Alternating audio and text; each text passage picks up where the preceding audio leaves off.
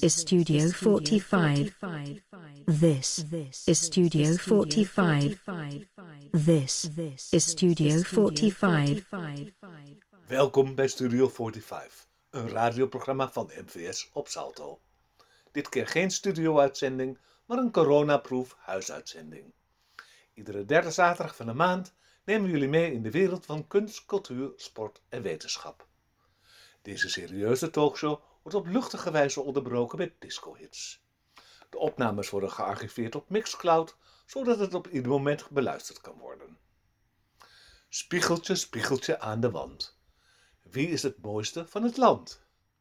Mirror Mirror, het glossy magazine voor beauty en mode, viert dit jaar het eerste lustrum. De wintereditie is vanaf dit weekend te verkrijgen. De hoofdredacteur is ook mijn gast vandaag, Josette Koning. Mijn naam is Harold Theater en welkom bij Studio 45.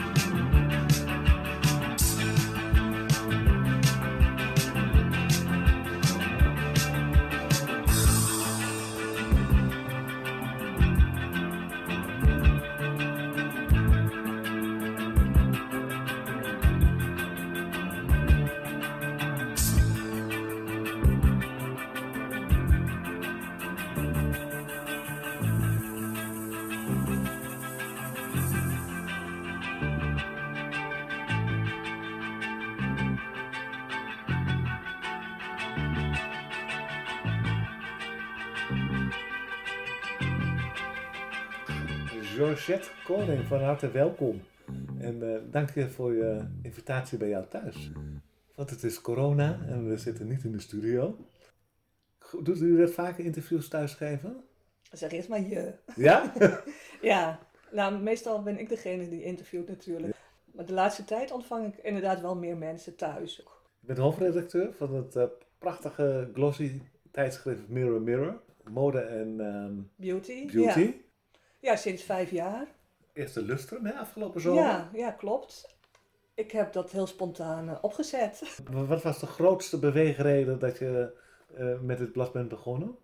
Het is toch uh, heel veel ervaring bij elkaar dat ik dit kan doen. dat ontdekte ik het wel. Dus het is heel organisch gegaan. Dus ik heb gestudeerd aan de Rietveld Academie, ja, mode. Want komt ja. uit Wolvenga. Ja, uit Friesland. Hoe, hoe, ja. hoe, komt een meisje uit Friesland zo geïnteresseerd in mode? Ja, dat is, uh, ik zeg wel eens voor de grap, dat zat er sinds uh, baby's zijn al in. Want ik heb zo gewoon een gevoel en interesse in, in vormgeving in het algemeen. Het, hele woord kende ik natuurlijk niet, of design, wat nu gezegd wordt. Maar alles let ik op, van een, van een deurkruk tot meubels, maar ook vooral mode. Ik kom niet uit een modieus gezin. Mijn moeder had wel ook zoiets als ik volgens mij. die, die hield echt van kleding. Ja, en natuurlijk dat cliché dat ik altijd bezig was met de Barbie pop. En mm. van lapjes allemaal kleding maakte. Dus ik was er echt altijd mee bezig. En, en ik wist ook dat ik er iets mee wilde doen. Of misschien wist ik dat helemaal niet, want ik, ik woonde in Wolvengaan. En destijds had je geen internet of zoiets. Dus ja, modeontwerper worden. Maar, maar ik had geen voorbeelden, want er was helemaal niemand. Uh, mijn moeder die droeg wel eens Pierre Cardin, zo'n zo'n goedkopere lijn. Dus dat kende ik dan. Dus ik wist echt heel lang niet wat ik daarmee kon doen eigenlijk. Dus uh, als je in Wolvengaan woont, ik, ik was wel heel creatief, dat zag iedereen wel. Uh, dan is het voor de hand liggend dat je eerst naar Groningen gaat. Dat was een, een kunstacademie. Ja, want hoe, hoe uitte die creativiteit zich? Ja, altijd tekenen eigenlijk. Altijd tekenen en uh, mijn moeder aankleden. En of als mijn moeder uitging, dan verknipte ik zo de jurk van, ja, de, zo zit het beter. En het, het, leuke was, het vond ze ook goed. en, het zat ook beter. Ja, dat was ik gewoon een jaar of tien of zoiets. Ja, weet ik niet. Het, het, mocht gewoon. Ze, ze, vond het leuk, ze herkende dat wel. Maar ze, hmm. Dus ze kon mij niet helpen verder daarmee. Of daar spraken we ook niet over ik heb oudere zussen, die, die gingen studeren dus eigenlijk. Eén in Groningen en de ander in, in Leeuwarden. Dat, dat zit dan wel een beetje in de familie. Hè? Dus dat, ik, ik kon eerlijk gezegd niet wachten om het huis te gaan. Want ik, uh, ik ging op mijn zeventiende toch al wel weg. Um, maar wel richting Groningen. En toen volgde ik mijn zus. Vanuit en Wolvenga waarschijnlijk, een wereldstad. Nou, ik, ik kende het al wel, want uh, mijn vader had als hobby drafpaarden. Dus in Groningen was een drafbaan. En eigenlijk ook in Duindicht. Dus ik, ik was niet zo. Ik hield helemaal niet van school. Dus, en daar maakte zij een beetje misbruik van. Dus je had heel veel van die paardenkoersen. Dus uh, ik mocht altijd mee om te helpen. Dus op dinsdag kon ik niet naar school. Op die dag niet. En in zo'n dorp kwam je daar kennelijk wel mee weg. En dus ik had wel wat gezien. We gingen ook wel naar Duitsland. Uh, maar dus uh, mijn vader dacht van, oh ja, dat wordt een paardenmeisje. Die gaat daar uh, gewoon in, in door. Maar ik was, die interesse in mode, die is gewoon gebleven. Maar toch, mijn zus die zat op de Sociale Academie in Groningen. Dus dat ging ik gewoon doen. Omdat ik gewoon niet wist wat ik, wat is een academie, dat wist ik echt niet.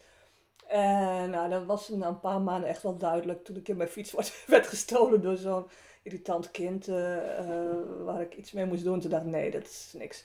En toen ontdekte ik inderdaad wel de academie in Groningen. En heb ik twee jaar gedaan zelfs.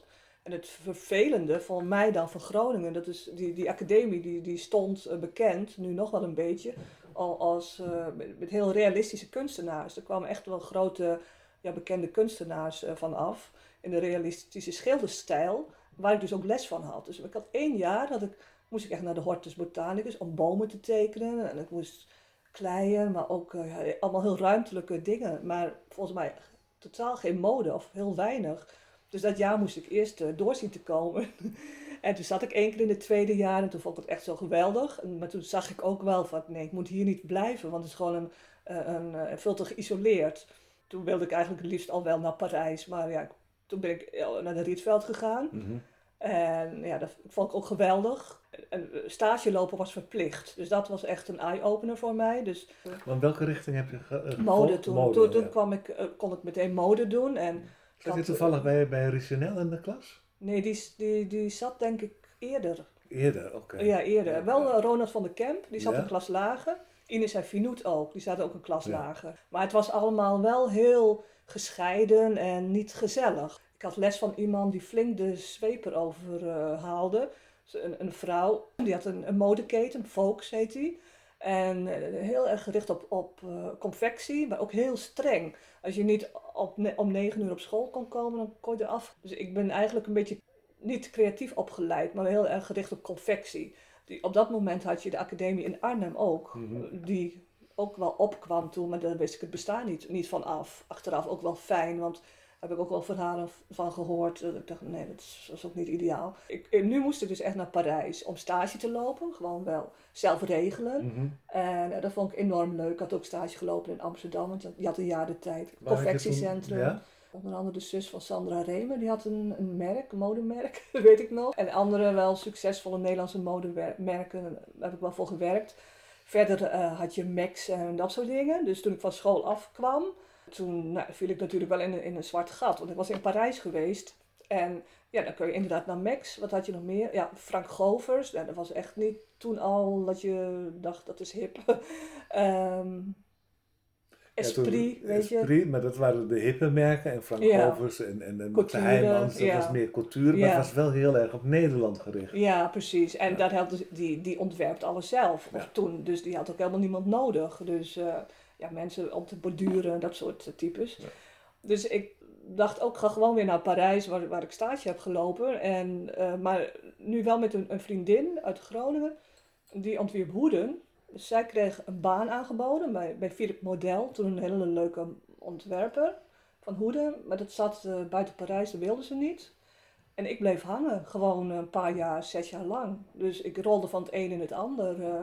Van oorsprong op, op school was ik ook goed in, in trend watching, trend Mhm. forecasting. Dat heet nu zo, heel chic.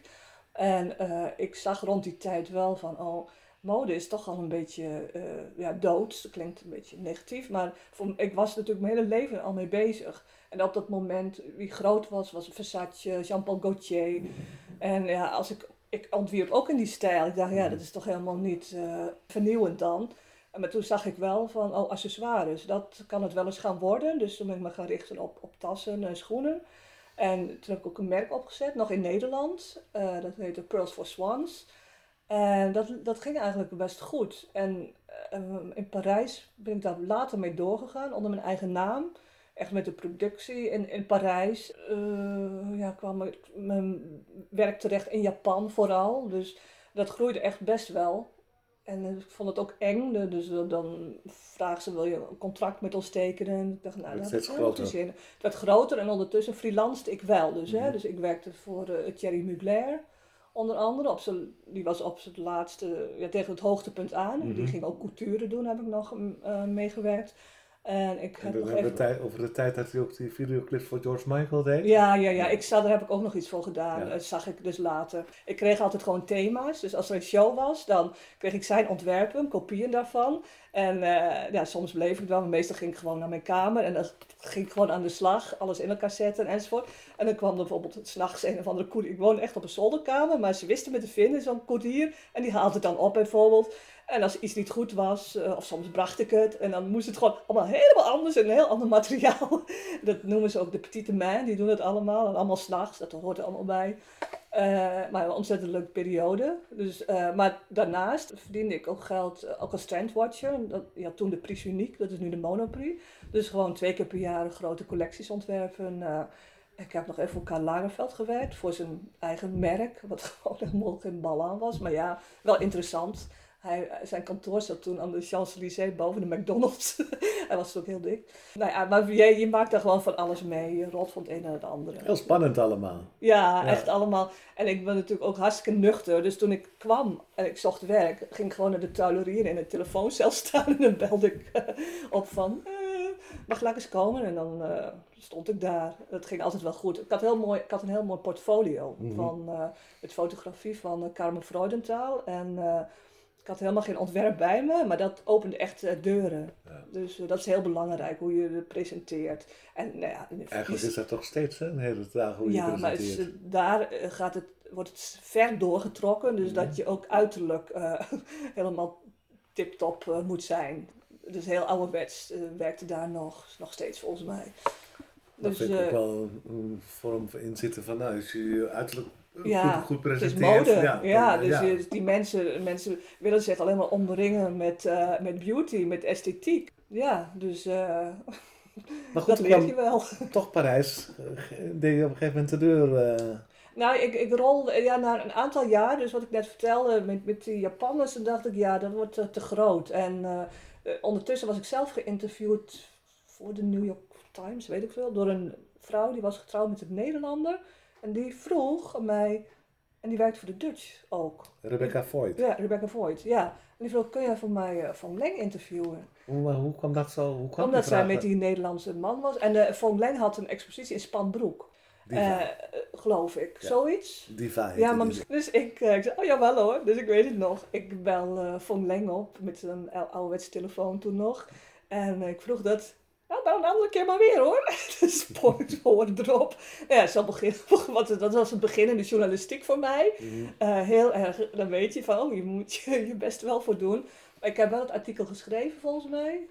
En, en zo kwam ik terecht bij Dutch, want het kantoor van Dutch eh, zat wel in Parijs. Maar ik had alleen met die vrouw te maken, met Rebecca. Mhm. En eh, toen dacht ik, oh, dat schrijven is wel heel erg leuk, want er komen dingen samen. De, de, de achtergrond van mij, de, de mode, de, de passie daarvoor, het ontwerpen, de ontwerpers. Ik had zelf alles meegemaakt. Dus dat, dan heb je een ander uitgangspunt dan, dan iemand die gewoon een modeshow leuk vindt. Want inmiddels schrijf je voor de Elsevier, de ja, dat was mijn eerste klant. Ja, ik, ik, Glamcult, Haagse Post. Het zijn niet de ik, namen. ja, ik heb, het, het- het werd op een gegeven moment een beetje te gek, want ik werkte tegelijkertijd voor de NRC Handelsblad en voor het Financieel Dagblad.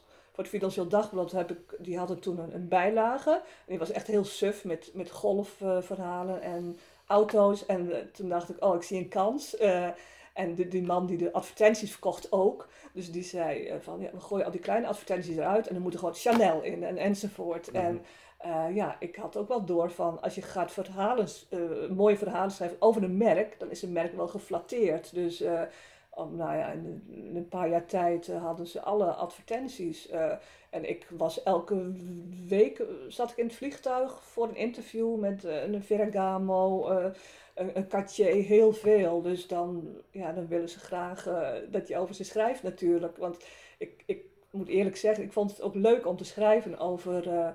eh, een, een schoenenfabriek van Louis Vuitton in Venetië. eh, Of eh, een borduuratelier. Dus nam echt de achtergrond De achtergrond die hebben mij altijd geboeid. Dus dat Mhm. bij Hermes, hoe, eh, hoe een, een tas wordt gemaakt. Weet je, dat heeft mij altijd geïnteresseerd. En heel veel mensen die gaan toch voor de glamour. En, eh, dus ik denk dat dat mij heel erg heeft geholpen. eh. Ik deed echt wat mij interesseerde. Ja. Niet, niet om iets anders. Dus je bereikt dat er een heel groot publiek mee. Ja, mode werd gewoon een ding in Nederland. Schrijven over mode. Mhm. Ja, de- dat, ik kon eigenlijk, als ik naar een borrel ging of wat, dan was het meteen van, oh, hierover schrijven, dit. is gewoon heel, er waren niet zoveel mensen die het ook...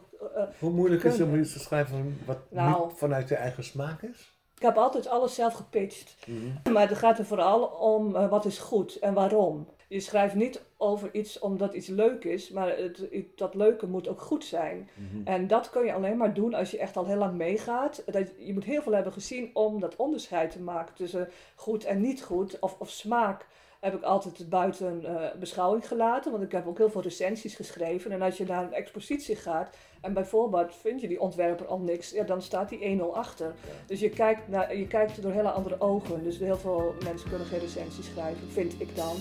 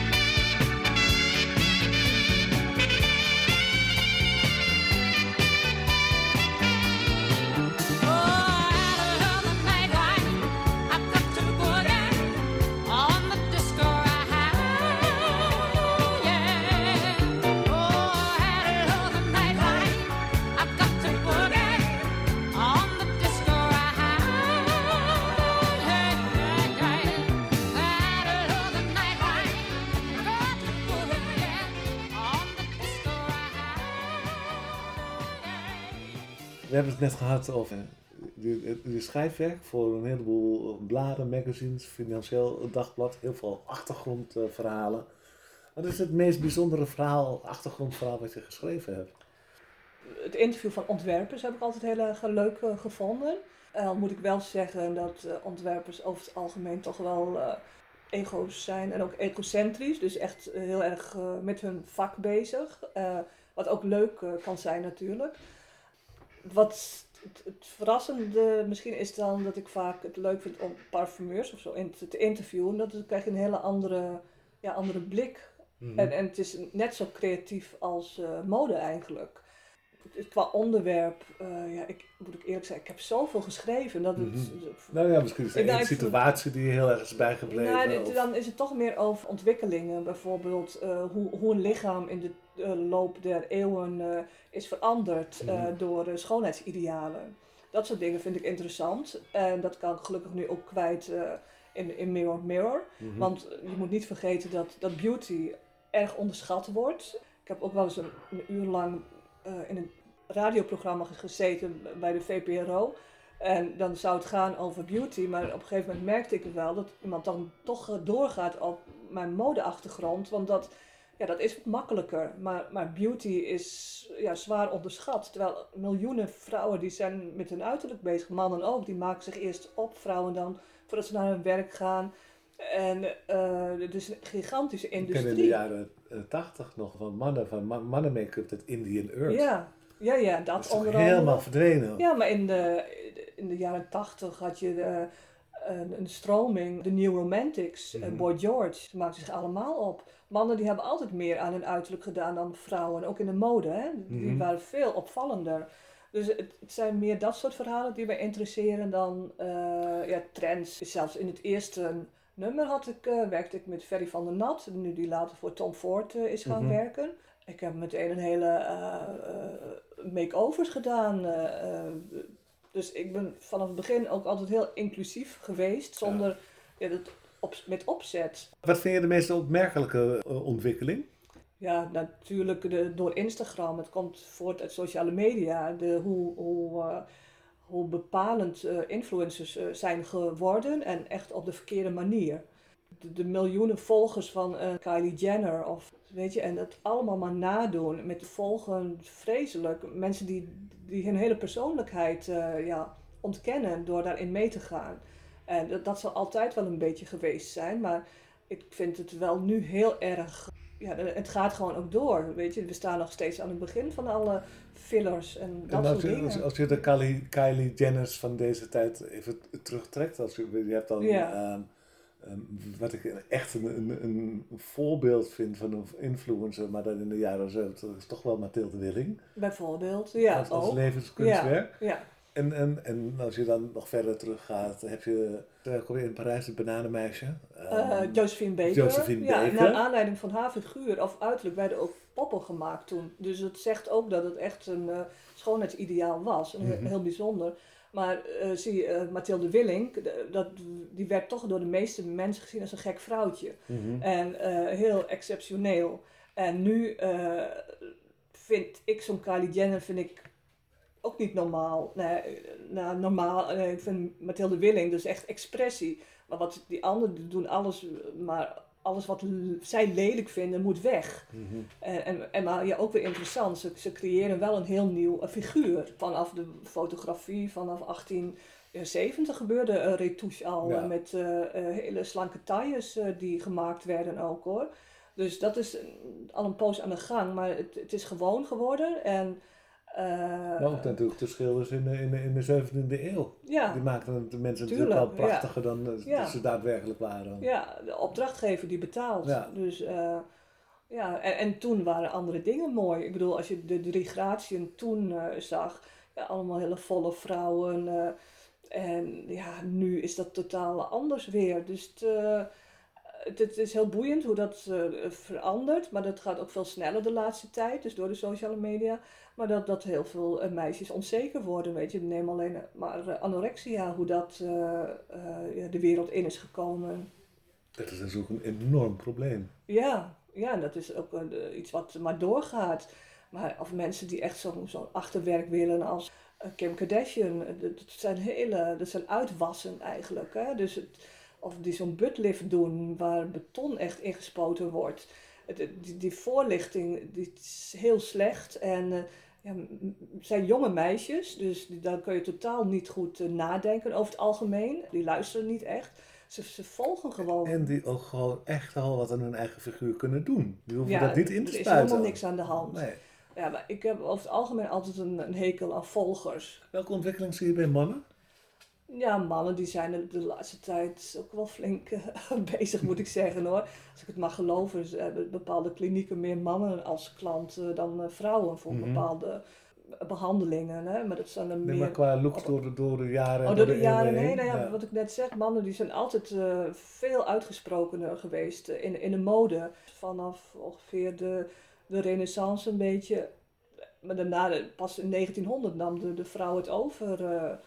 Echt eh, met, met grote jurken en zo. En toen is de man meer eh, op de achtergrond eh, verdwenen. Met, met het, het mannenpak wat steeds saaier werd. En, maar de laatste tijd, ja, de, de, de hype van het, of de lichaamcultus natuurlijk, hè. Dat is al, toch ook al wel 30 jaar aan de gang, denk ik. In de westerse wereld. in de westerse wereld, ja. Ja, a- als je het zo weer bekijkt, zijn de verschillen natuurlijk helemaal enorm. Eh, ik heb laatst voor het nummer van Mirror Mirror een stuk gedaan over eh, vlechthaar.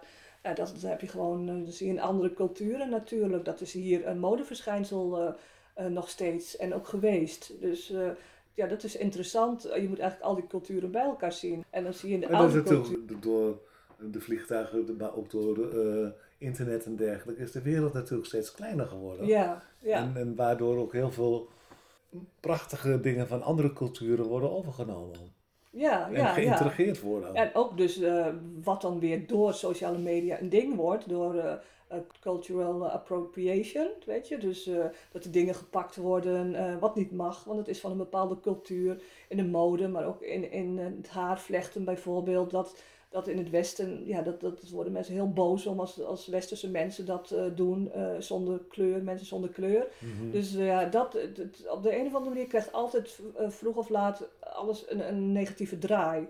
Maar je dat- ziet natuurlijk ook omgedraaid dat mensen in China en Japan heel erg weer op westerse mensen willen lijken. Ja, En, dat is ook al ja. heel lang, met echt tot aan operaties toe. In, Ja. in Korea is dat echt ja, doodnormaal. Dan heb je straten vol met... Het is zo sterk zelfs dat als mensen van school komen, dat ze zich echt laten opereren, omdat ze anders geen werk zouden krijgen. Dus op de foto dat ze er al eh, uitzien als, eh, ja, volgens een bepaald eh, beauty-ideaal. Dus dat is echt helemaal doorgeslagen. En het grootste voorbeeld, voorbeeld qua verbinding is natuurlijk wel Michael Jackson. Ja, ja, nou ja, maar als je daarover begint, Ja. Dat begon al in eh, Hollywood, de filmindustrie. Hè? Dus actrices die helemaal door een regisseur eh, werden geboetseerd als het ware. Met een haarlijn die anders moest, maar neuzen, weet je. Nou, denk alleen maar aan Marlene Dietrich. eh, toen kwam het, het witte doek. En dat heeft heel veel invloed gehad op vrouwen. Het was heel opwindend om naar de bioscoop te gaan. Dan kreeg je iets te zien uit Amerika. En dat wilde je dan ook. Eh, ja, dat, toen ging het sneller opeens. Leuk dat je dat zo samenkoppelt, beauty en, en, en, en mode. Ja, dat is wat ik zeg. Het is bij mij helemaal echt eh, organisch eh, samengekomen. Ik ben iemand, als ik, ik verdiep me altijd echt in dingen. Dus op een gegeven moment mode. Ik dacht, ja, wat kan iemand mij nog vertellen over mode? Mhm. En dan denk ik van, oh maar beauty, daar duik ik echt in. Ja. En dat doe ik dan ook. Ik, je ziet En- hier de boeken. Ik bedoel, eh, Maar dat was dus ook een punt dat je dacht, oké, hiermee ga ik Mirror Mirror opstarten. Nou, dat, dat, dat kwam toch weer door iets anders. Eh, ik vertelde al dat ik eh, veel voor FD werkte, echt dag en nacht, heel veel. En op een gegeven moment maakte ik daar een beetje een, in hun ogen een onvergeeflijke fout. Eh, ik, ik schreef natuurlijk altijd artikelen en dan een eindredacteur die plaatste ze dan. En in dit geval had ik trouwens een, een bloemist eh, geïnterviewd met hele kunstige eh, werken. En dat, dat artikel dat bleef maar liggen en dat bleef maar liggen. En ik telkens weer van, ja, wanneer plaats je het nou? Want het moet voor kerst. En, en dat gebeurde niet, want die vrouw die was heel veel ziek. En, en toen maakte ik de vergissing dat ik, die bloemist die mailde mij, wanneer komt dat stuk nou een keer erin? Met haar in het attachment. Eh, ja, die vrouw die is altijd ziek, die is er nooit. nou, hmm.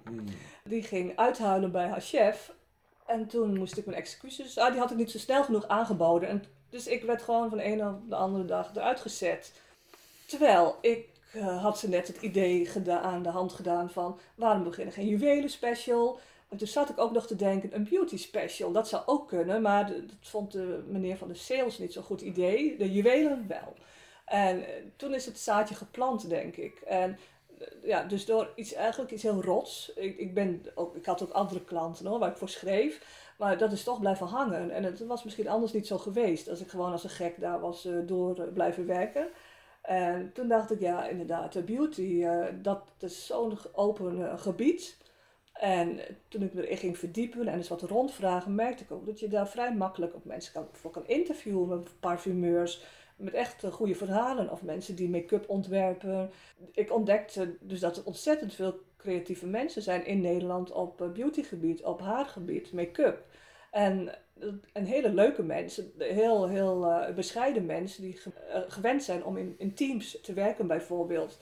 Dus al dat bij elkaar, toen dacht ik, nou, ik maak gewoon een nummer en ik, ik zie het wel. Ik, ik begon heel klein en ja, op een gegeven moment eh, ja, kon ik er toch niet mee stoppen, want het, het, eh, ik weet nog wel, iemand zei, kun je dan elke keer zo'n nummer eh, vullen met beauty? Ja, dat, maar dat heb ik altijd, aan ideeën heb ik nooit een gebrek gehad. Ja. Dus dat wist ik, dat vertrouwde ik op.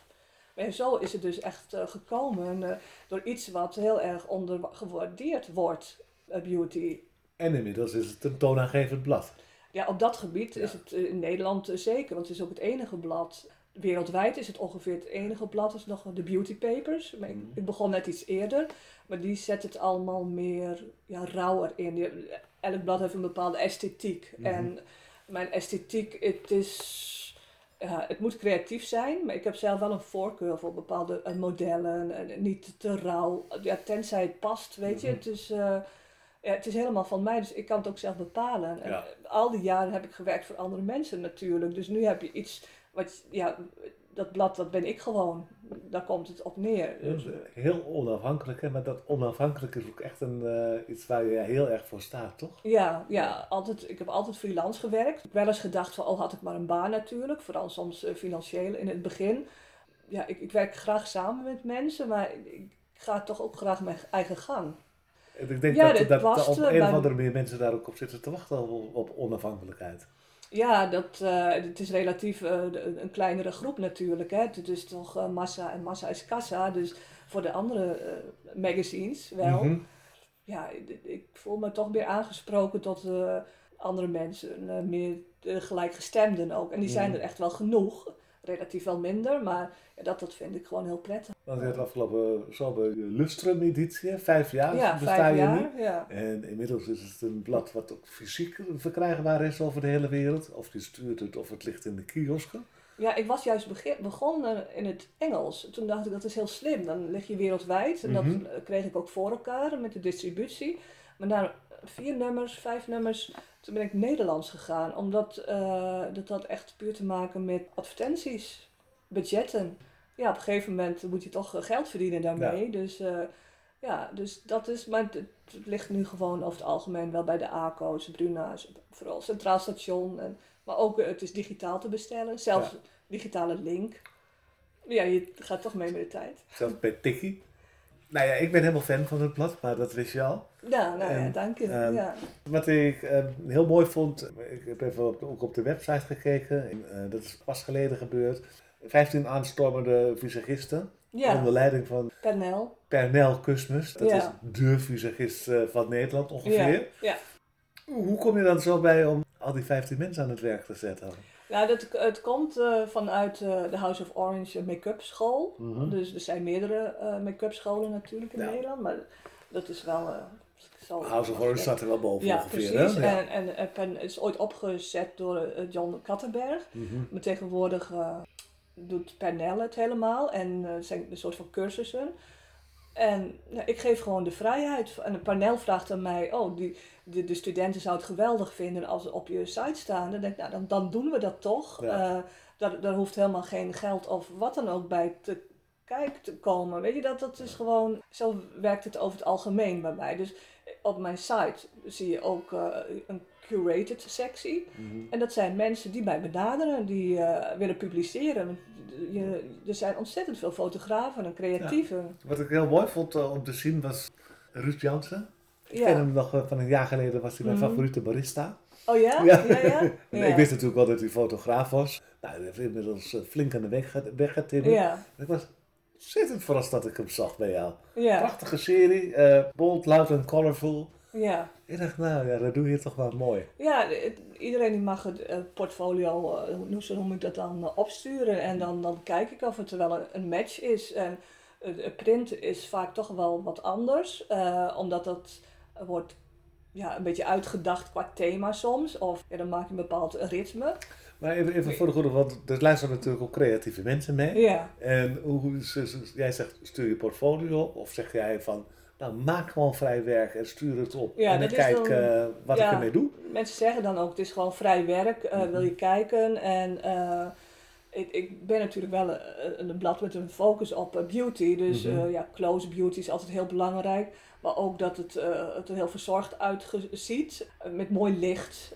Kleurrijk. beetje- ja, dat ook. Eh, Dus eh, fantasie. En ik moet zeggen, Nederland is best wel een moeilijk land op dat gebied eh, qua fotografie. Mhm. Het is heel, ja, er is veel van hetzelfde.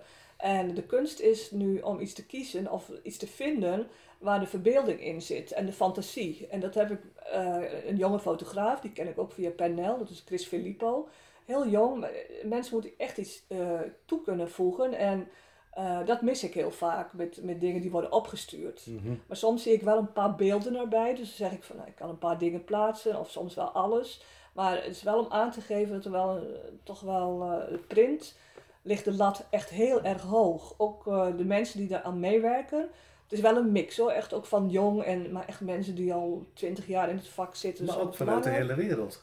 Ja, ook. Er wordt Ja. ook wel eens geschoten. Nou, wat heel leuk is, ik heb volgende maand een shoot in Berlijn met Miss Fame. Miss Fame en Is She Hungry? Dus dat zijn mensen met, met eh, gigantische ja, aantallen volgers ook. Mhm. Dus eh, zo kan het gaan. Monica Bellucci die staat bijvoorbeeld eh, voor het volgende nummer gepland. Weet je, het, het is... Ja, dat schieten we dan in Italië. Dus het is heel Spannend. verrassend. Ja, vrij ook.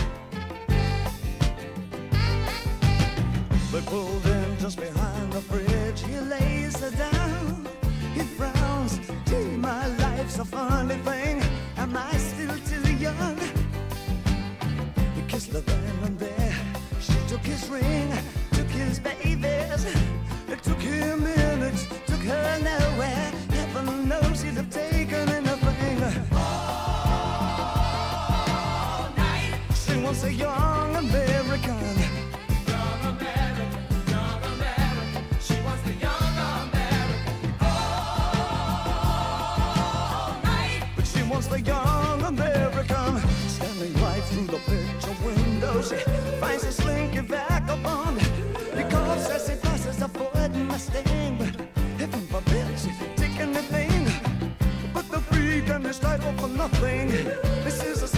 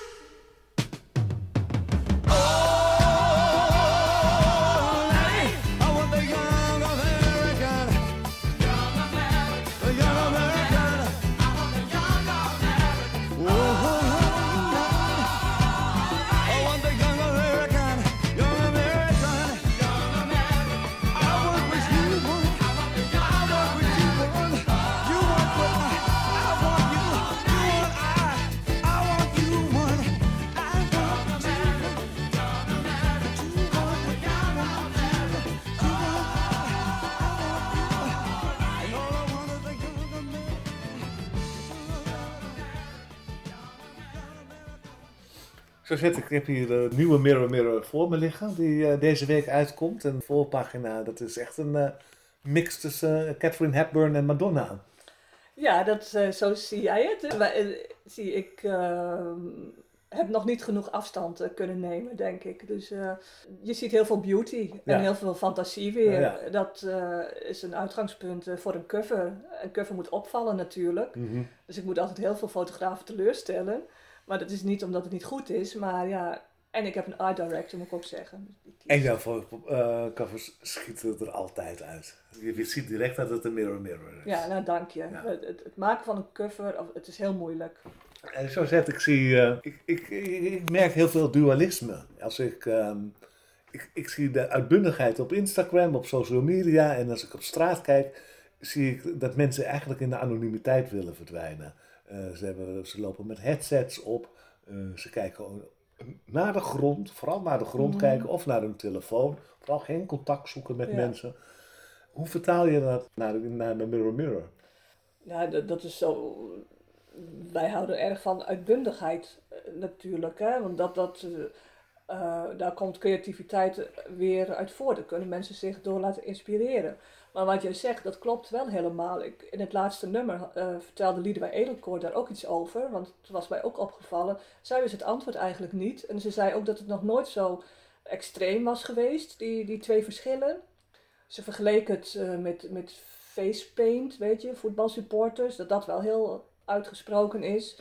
Eh, maar de, en dat het op straat inderdaad heel ja, ingetogen is. Ze, ze zag wel een toename bijvoorbeeld van eh, haar studenten met heel veel oorbellen, weet je, armbanden en dat soort eh, versiering. Maar eh, nou ja, tatoeages is, vind ik zelf eh, iets, dat is natuurlijk ook expressie, hè? maar eh, dat is gewoon heel massaal geworden. Dus echt iedereen ook ziet iets op Instagram en die wil diezelfde tatoeage als, als voetballers. Dus dat is weer heel ja, gewoon geworden eigenlijk. Hè? Dus Ja.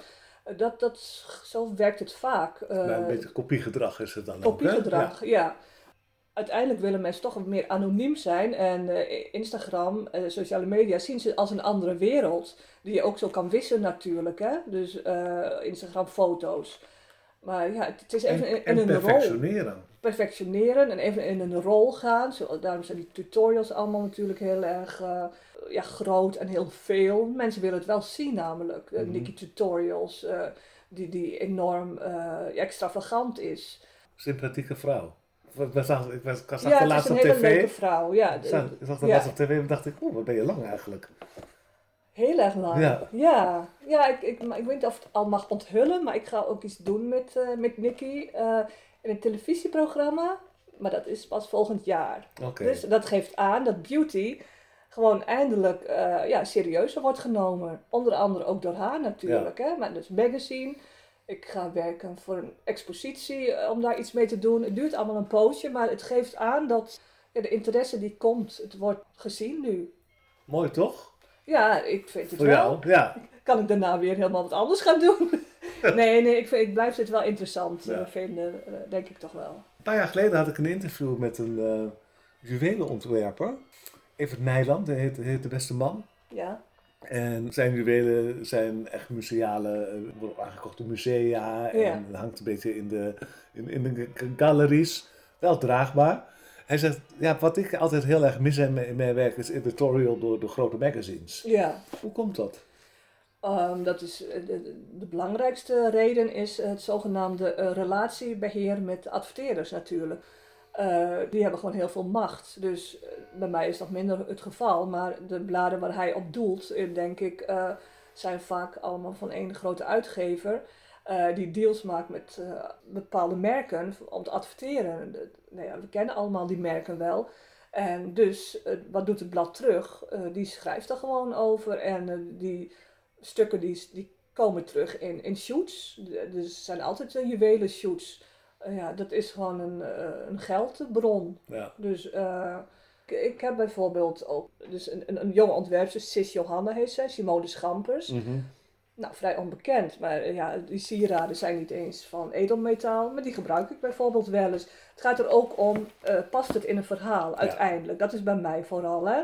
Eh, kan het misschien een uitgangspunt zijn voor iets, voor een verhaal. Dus er spelen wel meerdere Nou factoren ja, en dat mee. heb je natuurlijk, met hem is het natuurlijk, ehm, hij brengt één keer in de drie jaar een collectie uit. Ja. Dat is natuurlijk Ja. allemaal handgemaakt. En dat moet het maar net in, in, in een verhaal passen. Ja, maar er zijn zulke fantastische dingen gemaakt. Bijvoorbeeld van eh, wat Gijs Bakker eh, nog steeds maakt. eh, maar ja, die stukken die, die zijn museaal, die kan ik ook niet lenen. Ik heb ooit iets kunnen doen met het Rijksmuseum. En toen moesten wij die stukken erin shoppen bijvoorbeeld. Dus dat Die is mocht ook- ze niet meenemen. Nee, die mochten we niet meenemen. Dus dat was wel een soort juwelenverhaal en dan anders. naar aanleiding van een boek, volgens mij. Mhm. Dus we hebben het wel eens gedaan. En dat zal een ander blad echt nooit zo aanpakken. We hebben het natuurlijk toch over mode. We zijn ook heel erg bezig met cocoonen, want we zitten Mhm. in coronatijd. Ja, Hoe, eh, en we horen jouw kat. ik ben een kattenvrouwtje. Ja. De feestdagen komen eraan. Hoe gaan we toch fashionable de feestdagen in? Nou, eh, dat maakt mij dus helemaal niet uit, hè? Nee, dat, eh, eh, hoe gekker, hoe beter. Dat is misschien wel leuk. Nee, dat, eh, dat is gewoon heel commerciële de insteek dan. Hè? Is, eh, Ja. Weet je, glitter is altijd wel leuk, moet ik zeggen. Wat, dat je net wat extra eh, doet. Maar dat, dat hangt gewoon van de persoon af. De een is Maar- zit het liefst in een joggingpak, toch? Ja. Eh, Nou, ver- verwerk jij corona bijvoorbeeld nog in, in, de, in de nieuwe editie van Mirror Mirror? Nou, sterker in het vorige editie, die cover, die kunnen mensen dan nog online zien. Dat model heeft dus, zit in een soort van plastic gewikkeld en de- die is geschoten echt voor eh, corona echt losbarstte, Mhm. maar puur al op een soort gevoel. Die cover is toen wel gekozen. De cover die er nu is, heb je het gezien? Een traan. Een Ja. traan. Zo kies ik intuïtief eh, wel. En ook vrij katholiek, hè? Als we het toch over het kerstfeest hebben. Ja, ik ben wel katholiek, maar het- de, de, de huilende Maria. Ja, dat, het Ja. maar ook het Het zigeunermeisje. Ja, ja, ja, precies. Dat, dat, Ja. ook iets wat een ander blad eh, niet, eh, niet zou doen. Daar is het belangrijker voor dat er een celebrity of een bekend model op staat. Mhm. En ik denk, ja, wie trapt daar nu nog in? Maar ja, nee, het is wel, eh, ja, wel heel christelijk. ja, nou, Ja. ook zo had ik het nog niet gezien. Dus het is altijd goed om andere meningen te horen Ja. over iets. hè. Waar ga je naartoe? Waar, waar, waar, waar heb je een visie Oh. naar de toekomst? Ehm, nou, als ik kijk naar het magazine, hoop ik op een dag dat ik toch nou, vier keer eh, per, per jaar kan, zodat Mhm. ik meer zichtbaar ben. Dus eh, als iemand ergens met een zak geld eh, en een affiniteit met beauty of eh, print zit, eh, nou ja, kom maar even langs. En, maar, en verder ehm, denk ik dat er meer behoefte is aan ja, fantasie, verbeelding. Ook, eh, ik, ik denk dat er wel meer behoefte komt van mensen vooral in, in zo'n tijd, hè, eh, als er iets ergs gebeurt, dat er ook behoefte is aan verbeelding en fantasie. Mhm. Dus dat, dat zullen we wel terugzien eh, op verschillende vlakken. Persoonlijk hoop ik dat ik hier plezier in hou, dat, dat mensen ook creatieven door deze tijd heel goed komen en dat ze mooie dingen willen blijven maken eigenlijk. Zo zet heel erg hartelijk dank. Ik wens je alle succes. Ja, En eh, Dank. nou, wij onze wegen kruisen elkaar wel weer. ja dat hoop ik. Ja. Ja, jij ook alle succes en heel erg veel dank. Dankjewel. Aan deze uitzending werkten mee Georgette Koning, The Cure, Alicia Bridges, David Bowie, Sister Sisters, de huiskat van Georgette en het carillon van de Zuiderkerk. Volgende maand zijn we er weer met een disco kerstverhaal.